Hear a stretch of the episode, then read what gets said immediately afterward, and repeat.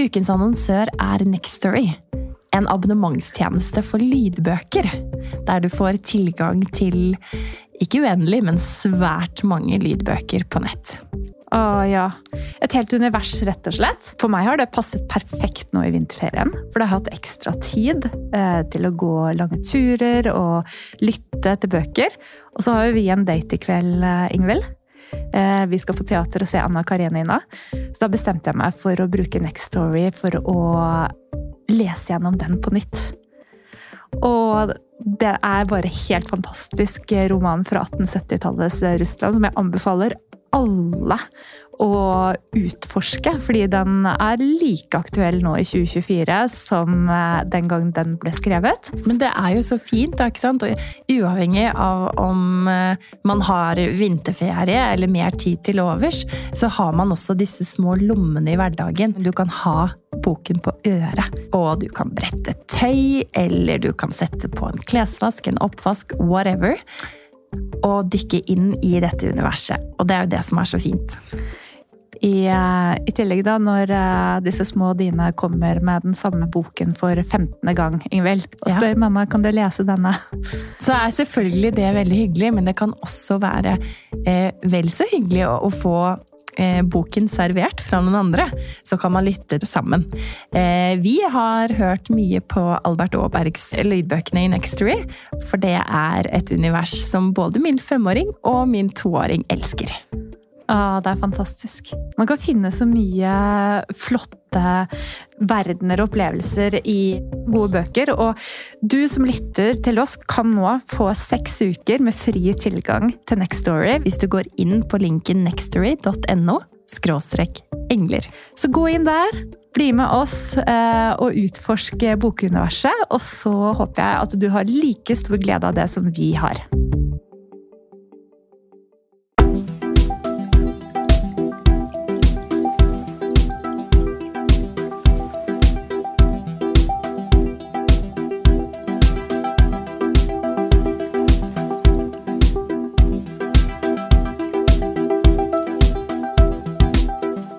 Velkommen til Engler og hormoner. Inspirasjon og ny kunnskap om helse, selvutvikling og livsstil.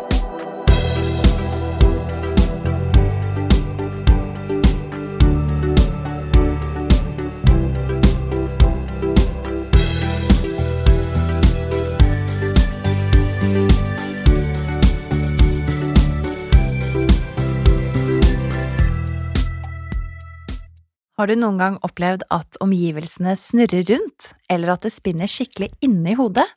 Ikke av det ene glasset med vin for mye eller av den svimlende forelskelsen, men av at sansene våre påvirkes og balanseapparatet blir satt ut av spill. I dag skal vi bli bedre kjent med temaet svimmelhet og balanse, og som alltid så lurer vi på hvordan kvinnekroppen er spesiell akkurat med tanke på dette. Hva vet vi, og hva kan vi gjøre? Med oss i studio har vi en kjernekar, vår tidligere kollega, spilleoppmaker, humørspreder, og sist, men ikke minst, du er mye mer da, Narve, men du er også spesialist innenfor temaet. Mm. Balansefysioterapeut, Narve Bjørneseth. Hei! Hei! det var fint. Ja. Tusen takk. Spilleoppmaker. Spilloppmaker. Det er det ikke tvil om. Du er jo vår kjære kollega. Hvor lenge har vi jobbet sammen egentlig, Narve? Siden um, 2006. Ja. ja. 13, 13, år ble det. Mm. Mm. Og uh, da er det jo unektelig sånn at vi har gjort oss mange erfaringer på reisen sammen. Både med mm. faglig samarbeid og litt sånn ulik reise når det gjelder fagspesialitet. Mm. Som toucher inn mot hverandre med jevne mellomrom. Mm. Så da er det ekstra hyggelig å invitere nettopp deg til å være førstemann i studio. Uh. Er det Ja, det er det! Jeg er førstemann. Ja, det er gøy. Eh, jeg tenkte jo det er litt dumt, men eh, jeg har med noe som vi kan ta etterpå. Jeg har med kake. Oh. Så deilig. Og det er ikke typisk deg, men det er litt typisk deg. Ja. det var, eh, vi må ha en greie. Ja, wow. Eh, så i dag så skal vi bli kjent med dette med svimmelhet og balanse. Og det som eh, er så kjent for deg, er kanskje ikke kjent for alle andre. Nei.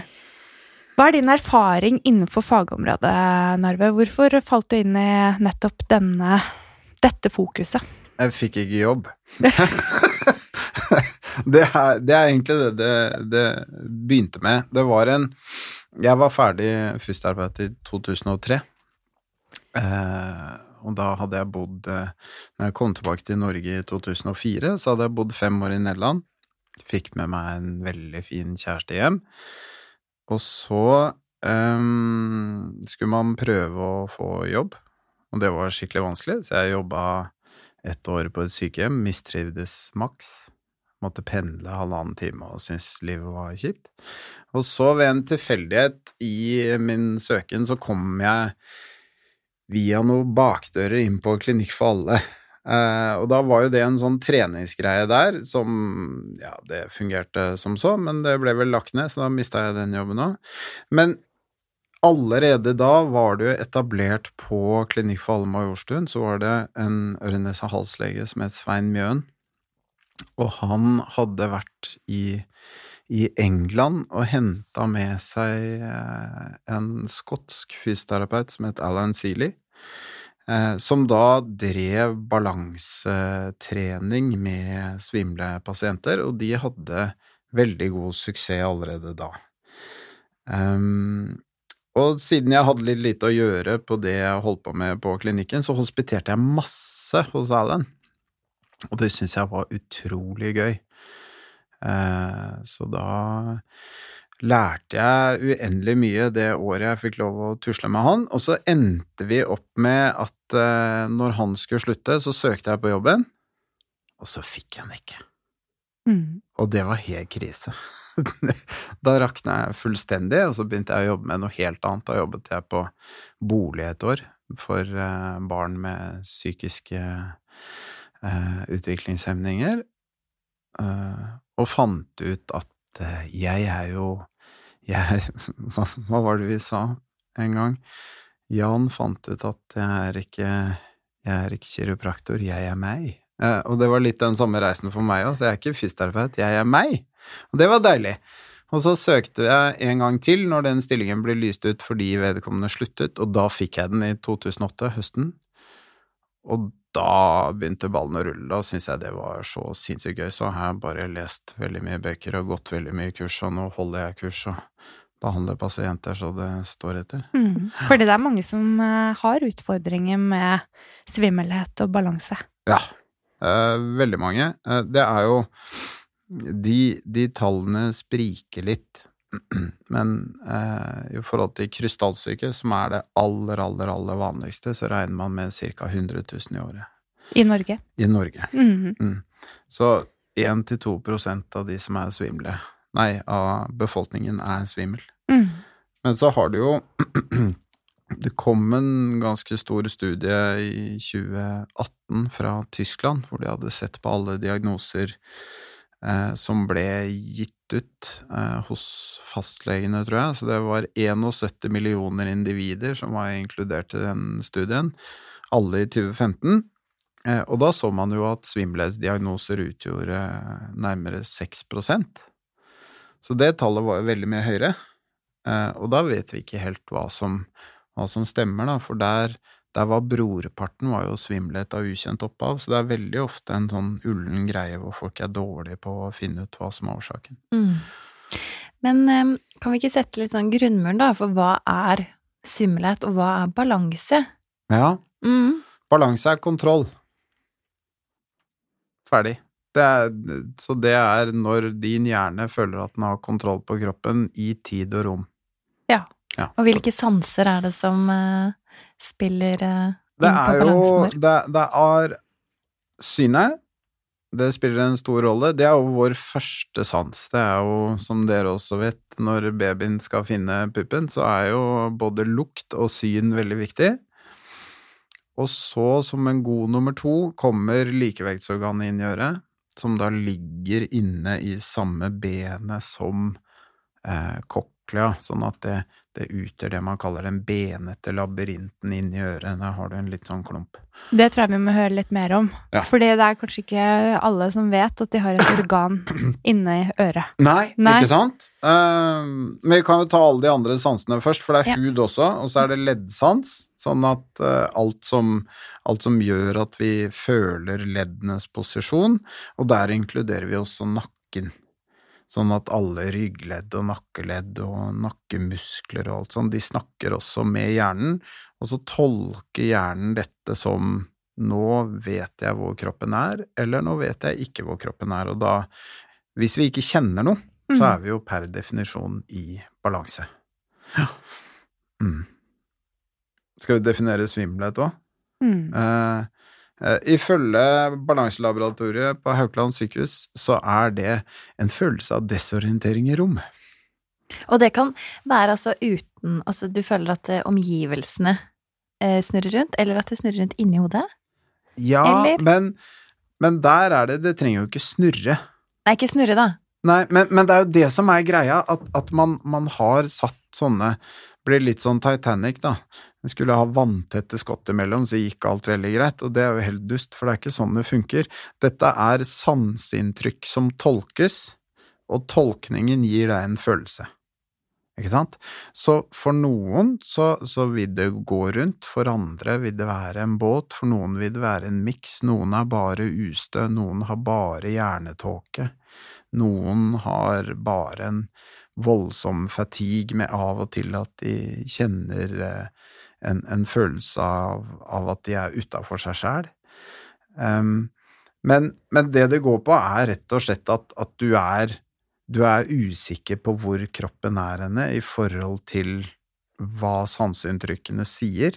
Så Mm. regnestykket går ikke helt opp, og det du da ender opp med, er en, er en rar følelse som vi da har satt ord på som svimmelhet, da. Tror du det er, eh, kall det nok allmennkjent, at alle disse tingene er symelighet og kanskje verdt å undersøke? Eller grave litt i? Det begynner å bli det, da. Dagbladet er jo helt sjukt gå opp og hive ut helsegreier, er det ikke det? ikke nødvendigvis alltid med, med positivt fortegn, men eh, det begynner å bli snakket mer om det. Um, det har vært like vanlig hele tiden. Så helt siden Haukeland begynte å samle inn data, eh, så, så ser man egentlig at forekomsten av de forskjellige tilstandene er lik, med ett unntak, og det er, det er vestibulær migrene, som vi kanskje kan snakke litt om etterpå. Men, Mm. men det er eh, eh, For det er en ganske ny diagnose, og alt som er nytt, da vet man jo ikke helt hva tallene er, ikke sant? Um, men men det, er, det er vanlig, og så har det vært noe fordi du ikke dør av det. Så eh, altså alt du ikke dør av, litt som deres spesialfelt også, da, da blir jo ikke det prioritert. Det får ikke forskningspenger, det blir ikke, blir ikke løfta opp som en viktig ting. Og svimmelhet rammer jo også flere kvinner enn menn, da. Bare sånn for å si det. Jo, og det er jo, ikke sant, så det, det blir putta rett i den sekken med ikke viktige ting som rammer dama. Mm. Sorry. Det er kjipt. ja, vi er helt enige. Eh, og det er jo eh, eh, mange årsaker til å få denne svimmelheten, men før vi går inn på hva som kanskje kan være spesielt for kvinner, så er jeg Mm. veldig nysgjerrig på dette organet i øret. Ja. Ja, og kanskje det er noen krystaller der også.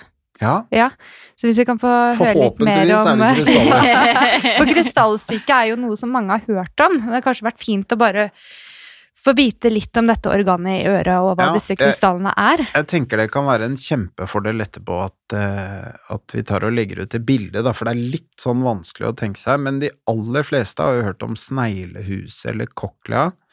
Det er det du hører med. Um, og det er en, en, en, en liten et bein som er snurra sammen, så hvis du hadde rulla det ut, så hadde det sett ut som en langstrakt pyramide, og så er den fylt med forskjellige kamre, og i ett av de kamrene så ligger det da en linje med hårceller som vibrerer når det kommer inn lydtrykk, og da hører jo vi det. Mm. Um, og så, i det samme benet, så er det også to klumper som inneholder eh, et kammer der det er krystallorganer. otolittene kaller vi de. Ja, og de har som funksjon, det er da en, en liten geléklump som er litt bøyd. Ja. Og så står det hårceller rett opp i den geléklumpen, og så er den helt genial, fordi fra ja, vi kan si fra venstre side, så peker alle mot venstre, og fra høyre side, på, på samme organet, så peker alle mot høyre. Så de er sin egen aktivator og inhibat, inhibator Jeg klarer ikke å si det på norsk, jeg. Men det, det, det gjør at disse krystallorganene Du klarer deg med ett øre. Ja. Så det er en sånn unik backup-greie. Men toppen av de, de er steiner. Det er krystallene. Det er kalsiumkarbonatkrystaller. Ottokoner, som de heter på fint. Ser ut som riskorn hvis du forstørrer de nok. Eh, og det krever jo ganske mye, for de er fra 3 til 30 UM store. De er bitte, bitte små. Ja. Og i tilknytning til det ene kammeret, til utriculus, så er det tre buer som har da åpning inn mot den, for hele organet er væskefylt. Det er fylt med balansevæske, cochlea er fylt med hørselsvæske. Det er en spesiell lymfevæske. Eh, og da i disse buene så er det noen nye sensorer, og de reagerer på, på rotasjon, sånn at når du snurrer på hodet, så har de som funksjon, og hvis du ser på mikken og gjør sånn, så, så gjør de at øynene kan holde det du ser på fast ved å stabilisere øyeeplet hele tiden. Ja. Um, og de der krystallorganene, de sørger for at du kjenner lineære forandringer, så opp og ned og sideveis i forhold til tyngdekraften. Og så krystallsyke, det er da når de steinene tilfeldigvis ramler inn i en eller flere av de buene, for der skal det ikke være steiner. Og så får du plutselig en kamerastabilisering når du ligger stille. Det er veldig rart. For da er det feil Altså sansesystemet vil sende en annen type inntrekk, inntrykk til hjernen, Ja. som oppfattes som svimmelhet, da. Altså det, for det er jo en mismatch, Mhm. ikke sant? Og da blir det jo hva, hva skjer nå? Ja. Og så er det ulike typer av krystallsyke, alt etter hvilken buegang disse krystallene går i i. disse, disse buene er ganske geniale, for vi har seks muskler rundt øyet, og så har vi tre buer i hvert øre, og seks delt på tre blir jo to. Så hver av de buene gir signaler til sitt muskelpar rundt øyet, sånn at du alltid får én bestemt bevegelse hvis du aktiverer én av kanalene inni øret. Så derfor får du høyrerettet eller, høyre eller venstrerettet nystagmus, for eksempel. For eksempel. Veldig bra. det, eh, vi har jo hatt noen lunsjer hvor dette har blitt snakket om, og alle rista på huet og ikke skjønte helt hva det var. Eh, Men det, ja, det, det får du. Sånn at Mm. det er hvis øynene slår til siden, så er det fra den midtre kanalen, som vi Ja. kaller det, og hvis de snurrer litt, så er det fra foran eller bak. Ja. Ja. Så dette er et klinisk tegn som vi ser på i, når vi undersøker pasienter, men du har jo spesielt utstyr for å se nærmere på dette, Narbe, Ja, for det er ikke alltid så enkelt å se disse nyansene med det blotte øyne. Nei, det, Nei. det er faktisk eh, Det er ganske vanskelig. Så hvis man, hvis man jobber med svimmelhet, så er det sterkt anbefalt at du har noe spesialutstyr. Man kaller det eh, videofrenselbriller. Det Mhm. er da rett og slett nattbriller som yeah. gjør at det er helt mørkt, sånn at du, hvis du kom til meg, da, at du ikke kan se noe. Jeg har jo vært hos deg, så jeg har hatt de på. Ja, det har du. Mm, Jeg har også vært hos deg. Ja, det har du. For alle, når man jobber med nerve, så, eller, så, så blir man veldig opptatt av det, og så skal alle er svimle Ja, på et eller annet da må man jo sjekke. Ja. Men det er som å ha på seg en er dykkermaske. Unnskyld. Ja. Jo, Ja. ikke sant? En mm. dykkermaske sånn at det er lystett. Mm. Men du får mange forskjellige varianter, da. Men poenget er å gjøre det lystett, for da kan ikke hjernen fiksere blikket. For hjernen ruler alt. Ja. Mm. Og så har du en skjerm som du ser da En på. Sånn at du ser litt forstørret og ser veldig tydelig hva som skjer med øynene når du gjør ulike bevegelser, og på Ja. den måten så kan du sette diagnoser og få behandling ut ifra hvilke funn du har Ja. på Mm. undersøkelsene dine. Veldig, veldig kort og greit oppsummert. Ja, det er, det er jo mye du, du og dere gjør. Eh, Det finnes jo blant annet behandling i forhold til hvor disse krystallene sitter. Ja, Når man først vet ja, hva som har skjedd. hvis de har ramla ut, så må du jo tilbake på plass. Mhm. Ja. Og hva gjør du da? Nei, da, da snur vi timeglasset. Ja. Eller kroppen. Eller kroppen. Ja. For det er den, den buen jeg snakket om i sted, den har en, en åpning, og så har den en slutt. Og disse krystallene er da Det er viktig å understreke at dette er teorier, da, ikke sant? Mhm. For vi har, vi, vi har dyreforsøk hvor vi har sett det, men vi har ennå ikke observert krystaller på et levende menneske. Så det, det blir fortsatt bare teoretisk, men antageligvis er det riktig. Men da er det, hvis disse stenene er inni øret, så vil de legge seg i den nederste delen av den buen de er i, i forhold til jorden. Mm. Alt som veier noe, vil jo ned, mm. ikke sant? Og da må vi sørge for å eh, først legge hodet i en stilling som gjør at den delen er nederst, Mhm. og så rotere hodet motsatt vei, sånn at de krystallene kan følge den buen ut igjen, Ja. og så da komme riktig. Det blir litt som å reponere en skulder. Jo, men det, det er det. Mm. Det er innmari ugreit når den er ute, og så er det veldig fint når den er tilbake. Mm. Ja. Ja. Men eh, det er jo ofte Når vi leser i Dagbladet da, om Mm. kry krystallsyke, så får du gjerne denne øvelsen. Ja. Gjør du hjemme. Altså det er den barbecue-øvelsen, som det ofte kalles. Det er ofte det som Ja, mange eller bruker. Ep Eplis manøver er enda vanligere. Ja. Mm. Men, men du har flere varianter alt etter hvor problemet Masse. sitter. Eh, Mm. Og, og det er jo sånn at for, for uh, uh, dama i gata Mhm. Dette er jo et kvinneforum, så vi må ordlegge oss riktig. Nei, men, men for en person så er det veldig vanskelig å vite hvor noe er. Mm. Ikke sant? Sånn at for det, det man kjenner, er jo en følelse av at det er ugreit. Og så kommer du til fastlegen, Ja. for eksempel. Ofte. Eh, og hvor, hvor gode er vi på en måte på å filtrere hvem som skal videre og ikke? Hva er liksom den vanligste gangen der? Jeg jobber jo som spesialist, så min populasjon blir jo ikke riktig å, å sammenligne med. Fordi eh, Og nå har jeg jobbet såpass lenge at nå får jeg de vanskelige casene også, liksom. Så, eh, men, men jevnt over så begynner man å bli ganske flink til å si 'jeg tror det er øre'. Mm. Um, og noen behandler. Men det er jo sånn at Det blir en eh, Det stopper ofte der, da. Sånn at du har noen fastleger som da vet om Jeg har hatt et helt fantastisk samarbeid med noen av fastlegene i Oslo som sier 'svimmel, gå til han, da vet jeg du blir tatt godt vare på', og jeg får ryddige svar tilbake. Og det er de superfornøyd med, så slipper de å tenke på den delen.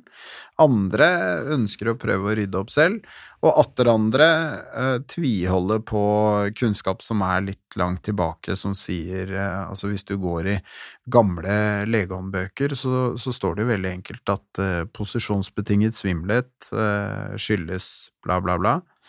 Eh, og pasienten klarer fint å unngå symptomene ved å unngå å bevege på hodet. Ferdig, liksom. Det var behandlingen. Men, men det blir jo en det, det fjerner jo ikke et problem. Og du sa jo i stad selv at hjernen trumfer jo alt. Ja. Og er jo Vi er jo en Eller alle vi er mestere på å kompensere. Ja. Sånn at går du rundt og er svimmel, så vil jo det få sine senfølger. Ja, ja, ja. Det er vondt i nakken er jo en ting som gjerne følger, eller at du kanskje går litt annerledes, kanskje begynner å få vondt i et kne eller en hofte, at det blir litt sånn rart, at, at det flytter på seg, da, uten at det er en, en ting. Men de aller fleste, hvis de er svimle, ender jo opp med en, en eh, redusert livskvalitet, og noen opplever det jo som så kraftig at de at de faller helt ut av arbeidsliv og sosialt liv og liv generelt. Finnes det noe tall på antall uføre blant uh, simlepasienter? De sitter ikke jeg på, så det vet Nei. jeg ikke, men, men det jeg hørte hørte av en, en Nav-konsulent eh, en gang, var i hvert fall at de som drev med visuelt preget arbeid, altså kontorarbeidet, de var ofte sykemeldte veldig mye lengre enn en de som drev med mer fysisk arbeid hvis de var svimle. Og det er jo naturlig, fordi synet er backupen som vi bruker mest. Mm.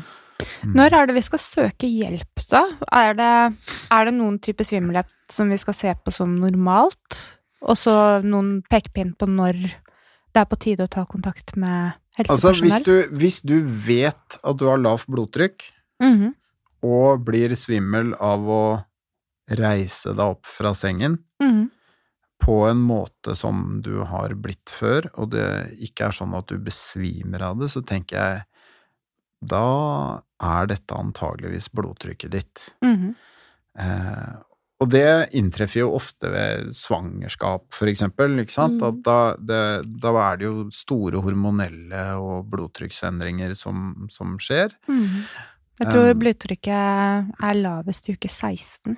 Ja, ikke sant? Så da kan man jo faktisk tenke seg at da, da øker graden av ubehag i forhold til oppreisningssvimmelhet, om vi skal kalle det det. Ja. Men eh, det, det tenker jeg er en ting som, som ikke er, er uttrykk for, for at man skal være bekymret for det i det hele tatt. Men hvis det oppstår eh, en eller annen eh, kraftig eller ikke kraftig fornemmelse av at, av at kroppen er ja, at du ikke har kontroll på kroppen på et vis. Da snakker jeg ikke om ukontrollerte skjelvinger og sånn, men at du, at du føler deg litt utafor, og det gjentar seg, enten at det varer noen dager på rad, eller at det gjentar seg til samme tidspunkt på dagen, eller at det kommer i sammenheng med et annet symptom som hodepine, for eksempel. Da hadde jeg sjekket det så fort som mulig. Hva er det du skal forvente da at du blir møtt med av sjekk i første runde når du kommer til helsepersonell med svimmelhet? Sjekk ut alt du kan daue av. Det er jo Nei. det første vi skal gjøre. jo, for det, men, men det er litt sånn flåste sagt, men det er jo det vi Det er pri en alltid. Mm. At vi som helsepersonell, vi skal først sjekke ut røde flagg. Ja. Og røde flagg på medisinspråket, det betyr ting som har alvor, potensielt alvorlige konsekvenser for liv og helse. Mhm. Eller det du kan dø av. altså det Ja. Men, men eh, Og finner du ikke noe der, for det vil du Det er mange flere tilfeller av perifer svimmelhet, altså at det kommer utenfor hjernen eller ikke er på grunn av hjerte-kar. Da kan vi gå videre med litt mer spesifikke undersøkelser og se hvordan er nevrologien her, og spesielt da i forhold til øre og øyne og øyemotorikk. Mm. Mm. Hvordan er det balansen vår utvikler seg sånn gjennom livet? Er det noen stadier av livet der det er vanligere å være svimmel? Du nevnte jo blant annet under svangerskap. Ja, Mm. Altså for eh, det, det er jo veldig spesielt for damer, sånn at eh, eh, eh, når man Du har jo en utviklingsperiode som går fra du blir født til du er ca. 15 år, der du øver på å tolke balanse. Så et barn vil aldri kjenne svimmelhet som et voksen før det er fylt 15 år. Mm, men det kan jo fortsatt skje feil og alt mulig, så vi må følge med på det. Men, men det, er, det er en sånn utviklingstrapp, og den tar lang tid. Så dette er det siste vi egentlig har mestret av alle egenskapene våre. Um, og så går livet jevnt og trutt inntil vi blir slitt, og vi går inn i den geriatriske populasjonen, altså 70 pluss. Um, da uh, blir også sanseorganene i øret slitt.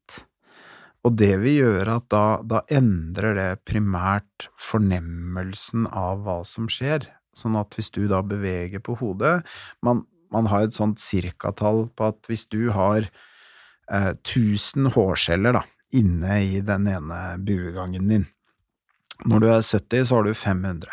Mm. Da har halvparten blitt borte, og så blir litt og litt mer borte etter hvert som du blir eldre. Så da er jo det signalet halvparten så sterkt når du beveger på hodet. Altså, det vil føles annerledes. Eh, og, og derfor vil nok mange gamle heller beskrive ustøhet enn nødvendigvis svimmelhet, fordi de kanskje ikke kjenner det like kraftig som før de fylte 70. Og så har du jo de, de, tingene som skjer som en naturlig følge av et liv, og der er jo kvinnene litt spesielle, fordi dere får jo lov å lage barn. Mm. Jeg får bare lov å være med, dere får lov å lage, mm. og det er jo innebærer jo store eh, primært hormonelle endringer som ja, det krever jo mye energi, og det krever store endringer, og dette kan dere så uendelig mye mer om med meg, men, men det gjør da at, at, det også kan oppstå eh, noen tilstander i, i, forbindelse med svangerskap, men der, der har man ikke så veldig gode data på forekomst av svimmelhet under, under svangerskap, som jeg har sett. Bombe. Ja, jo, men ikke sant? ja. Det er litt sånn. Mm. Nei, det er jo eh, også bare det at eh, tyngdepunktet endrer seg, at man vokser mye raskt, og dette vi nevnte med blodtrykk og flere mm. faktorer som Ganglag, spiller inn. Ganglag hvis du har smerter i bekkenet. Mm -hmm. mm.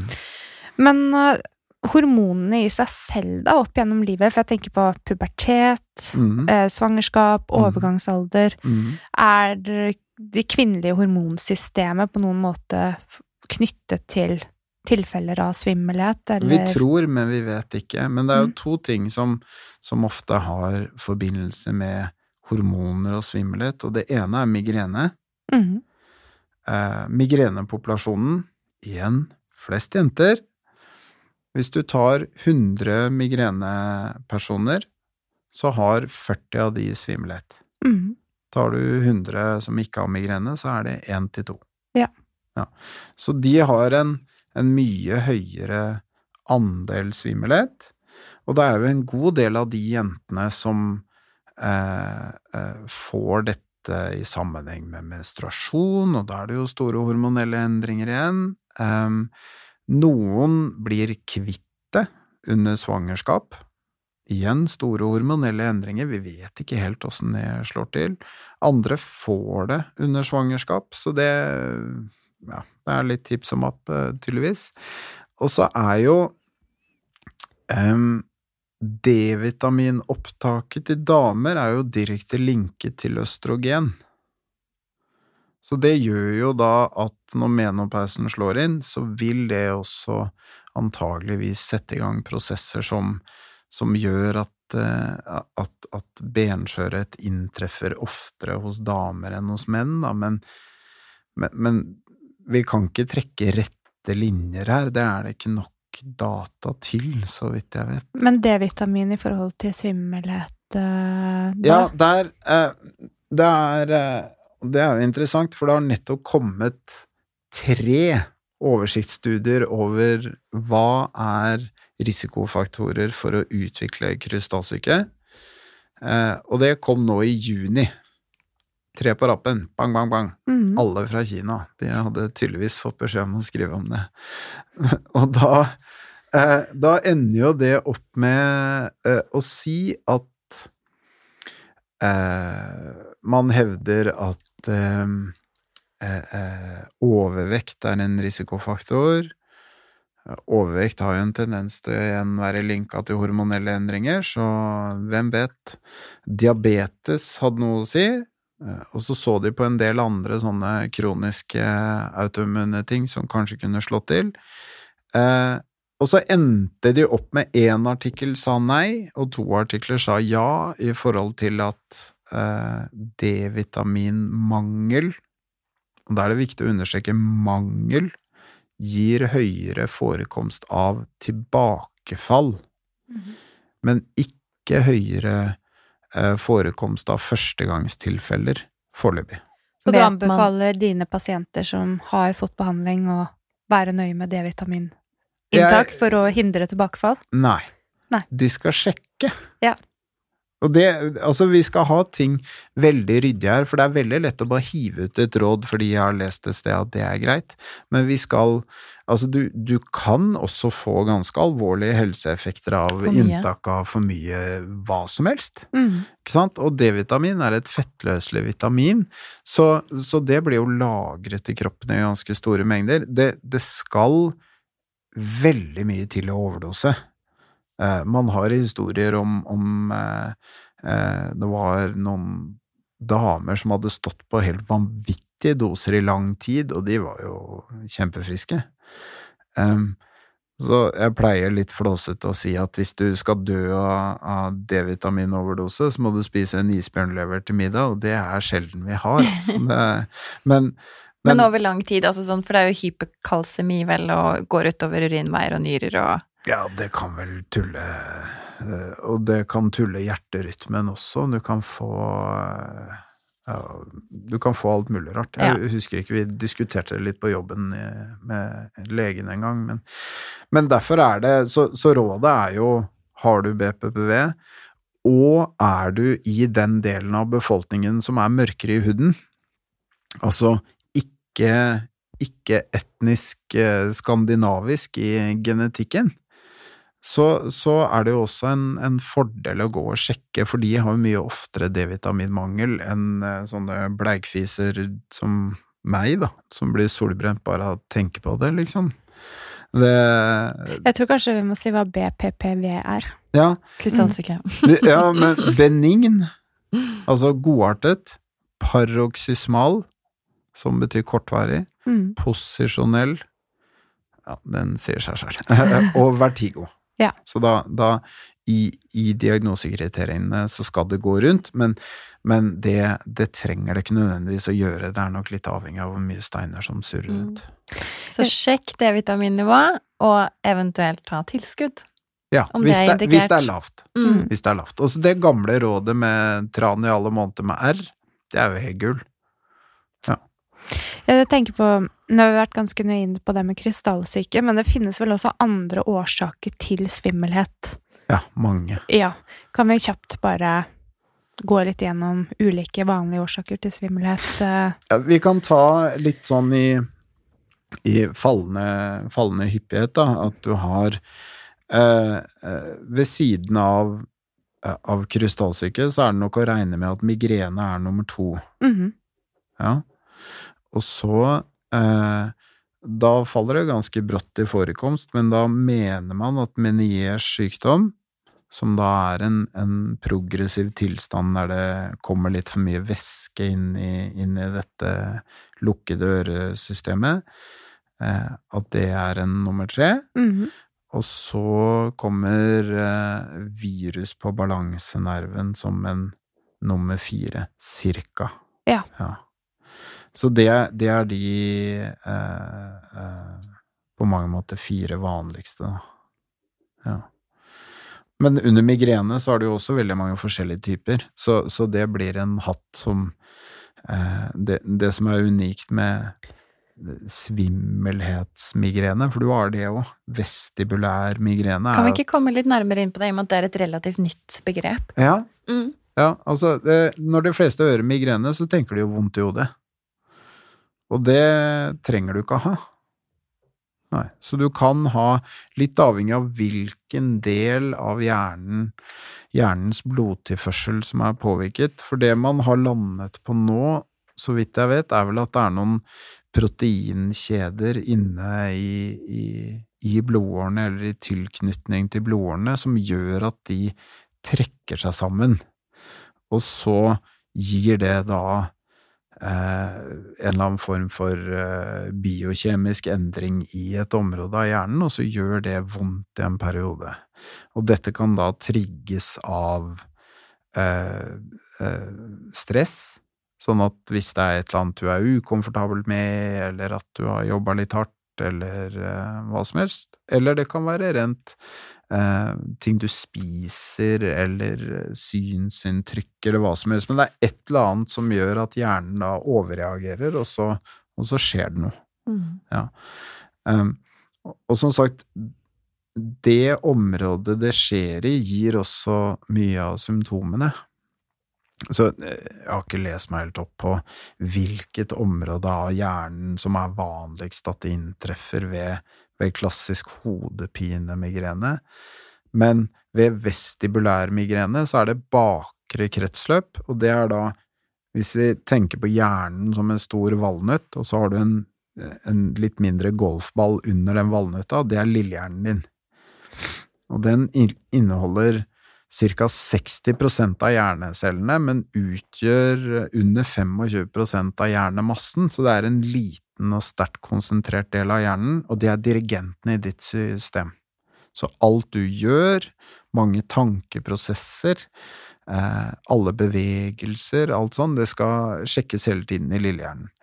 Og der ligger balanse, noe av balansesentrene også. Um, Sånn at er, hvis det blodomløpet er påvirket, så er det naturlig at du, at du vil bli svimmel, men det er ikke noen smertefornemmelsesdeler der. Så da kan du da kan man tenke seg at du, i stedet for at du får et klassisk migreneanfall med ensidig hodepine og nevrologiske symptomer, så får du de samme nevrologiske symptomene med lysskyhet, lydømfintlighet, eh, kanskje kvalme, Eh, men at du blir kjempesvimmel i tillegg. Ja. Mm. Kjempesvimmel. Kjempesvimmel, ofte. Men altså, igjen, kjempesvimmel eller litt, det er opp til den enkelte. Mm. For noen har det helt grusomt med det som tilsynelatende er svake signaler, og andre har det tipp topp med full storm. Altså det, så det er helt opp til hjernen. Mm. Du har jo synsmigrene òg, men da går det jo på, på øyet, og den gir heller ikke hodepine. Men er det ikke sånn at man kan se nystagmus og sånn også ved en type migrene med mm. svimmelhet? Mm. Skal vi snakke om nystagmus òg? Nei da, vi trenger ikke det. vi, kan forklare, vi kan forklare hva det er. Altså, nystagmus er jo en ukontrollert øyebevegelse, og den kan komme enten fra øret i de mønstrene jeg nevnte i sted, eller så kommer den jo også fra hjernen, men da har den andre mønstre, fordi hjernen er ikke bundet opp av muskelparet som den kan fyre til, hjernen kan gjøre hva den vil. Så da kan du få veldig kaotiske øyemønstre. Eller så kan den være liksom kilde til enorm utvikling. Ja. Ja. ja. ja. Oi, det var dypt. Ja, var ikke det? det var dypt. Mm. Du må bare begynne med det tidlig, da, fordi du får den nevroplastisiteten gratis før du er 20 og så må du jobbe aktivt med det etterpå. Ja, Hva sier du da til uh, foreldre da, som har barn som gjerne vil utvikle et godt vestibulære-apparat? Beveg, man... beveg, deg masse. Ja. Det, det er så enkelt. Mm. Det er en jeg tenker det er en ganske logisk grunn til at turnere har veldig lett for å konvertere til andre idretter. Mm. Og det er jo fordi de har beveget seg i alle retninger hele tiden, og det er dritbra. Da blir du godt kjent med egen kropp, da. Mm. Mm. Henge litt opp ned og snurre litt rundt og klatre i trærne. Jeg vil heller ha en bajas som er fullstendig kaos i, i bevegelsesmønsteret, enn eh, noen som beveger seg utelukkende fremover og bakover. Vet vi noe om dette her sånn i forhold til liksom kognitiv funksjon for øvrig, på en måte? Ja. Ja, altså det, det vi vet, da, er jo at barn som er født med eh, med hørsels... Eh, altså utviklingsforstyrrelser av hørsel, der eh, øret er underutviklet, Det er røftlig halvparten av de har også et underutviklet balanseorgan, og de bruker ekstremt lang tid på motorikken. Så det er jo tydeligvis kjempeviktig. Og så så man Den studien har jeg ikke lest, men den referert til jeg har vel sett det på Discovery eller noe, da, men uh, det var uh, de, de, gjorde et eksperiment med, med, små babyer, hvor de kastet baller, og så så de uh, når avstandsbedømmelse tikker inn. Mm. Og da så de det at hvis babyen var under seks måneder og kunne støtte seg på armene og opp med ryggen og ha litt oversikt, så når de kastet en ball, så strakk de seg alltid etter den, uansett hvor langt den var unna, altså uansett om de kunne nå den eller ikke. Mens noen få måneder etterpå, så strakk de seg kun etter det de kunne nå. og det er jo en eh, Altså, for å få til det, så er du jo avhengig av å ha et stabilt øyeeple hele tiden, sånn at du faktisk kan bedømme den avstanden. Og sånn sett er jo øret helt ekstremt viktig.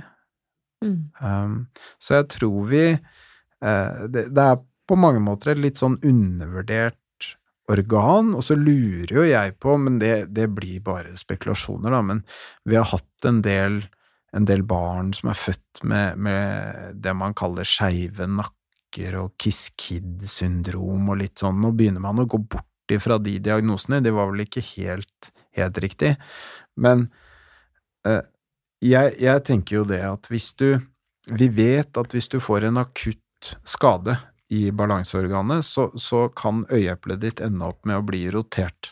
Og for å motvirke det, så roterer du på nakken. Mm. Så hva om dette barnet er født med en eller annen skavank i øret, og rett og slett bare roterer for å prøve å holde verden rett? Mm. Blir doktorgrad dette her, Narve? Shit, ass. Ja, Ja. det blir spennende. Og Ja. hva skjer når det barnet skal sitte i klasserom på den ene siden? Ja.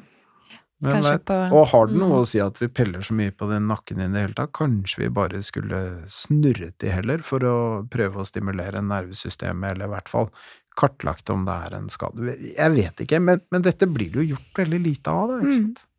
Det som er sikkert, er at det stadig vekk utvikles mer og mer verktøy for at du kan trene opp dette systemet, og at man kan trene balanse, og man kan trene øynebevegelse, og man kan Mm. trene bevegelser som stimulerer systemet. Mm. Men da er det viktig å få en grundig undersøkelse først. Ja, hvis du, hvis du har mistanke om sykdom, Mm. men det er aldri farlig å bevege seg, og så er det, det er heller aldri farlig å bli svimmel. Nei. Det er egentlig bare et tegn på at du har blitt stimulert på en eller annen måte. Mm. Mm.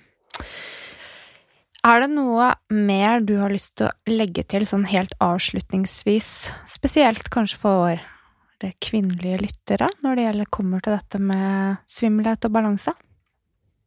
Ja, beveg dere mer. Altså, det, det er litt sånn Nei, men, men, men ikke på den måten. Det er, det er veldig mange av deres lyttere som er sinnssykt flinke til å trene. Ja, og så tenker jeg altså småbarnsmødre og Mm. mødre generelt beveger Mm. seg veldig mye. Den nerve. Ja, de beveger seg veldig mye, men veldig mye rett fram. Ja, jeg, Ok, sånn. jeg ser hva du uh, mener der, og jeg også tenker litt rundt dette her om um, utvikling i forhold til balanse og timing når det gjelder å bruke mye tid i vann. Ja. Som barneidrett kontra det å være aktiv i turnsalen og slike ting. Så Ja. variasjon er ekstremt Det, viktig. det er gull, Mm. ikke sant? Og det, det er jo det så bevegelses, Bevegelsesvariasjon er jo det, det blir aldri feil å få nye input. Alt er ferskvare. Ja. Snurr på hodet. Snurr på på hodet. gjør det. Ta, altså, ta den Ta en salto i vann, da, hvis du er redd for å ta det på bakken. Mm. Kjøp en trampoline hvis du har plass å hoppe med i kidden, liksom. Altså, det er, det er veldig, veldig bra å gjøre, og det er veldig bra å gjøre hele livet. Mm. Mm. Det er fantastisk. Mm. Narve, du har ikke sagt dine siste ord i denne saken. Nei. Men vi er veldig glad for at du ville komme til oss og gjeste podkasten vår. Ja, Ja. veldig hyggelig. Mm. Takk. Takk til deg.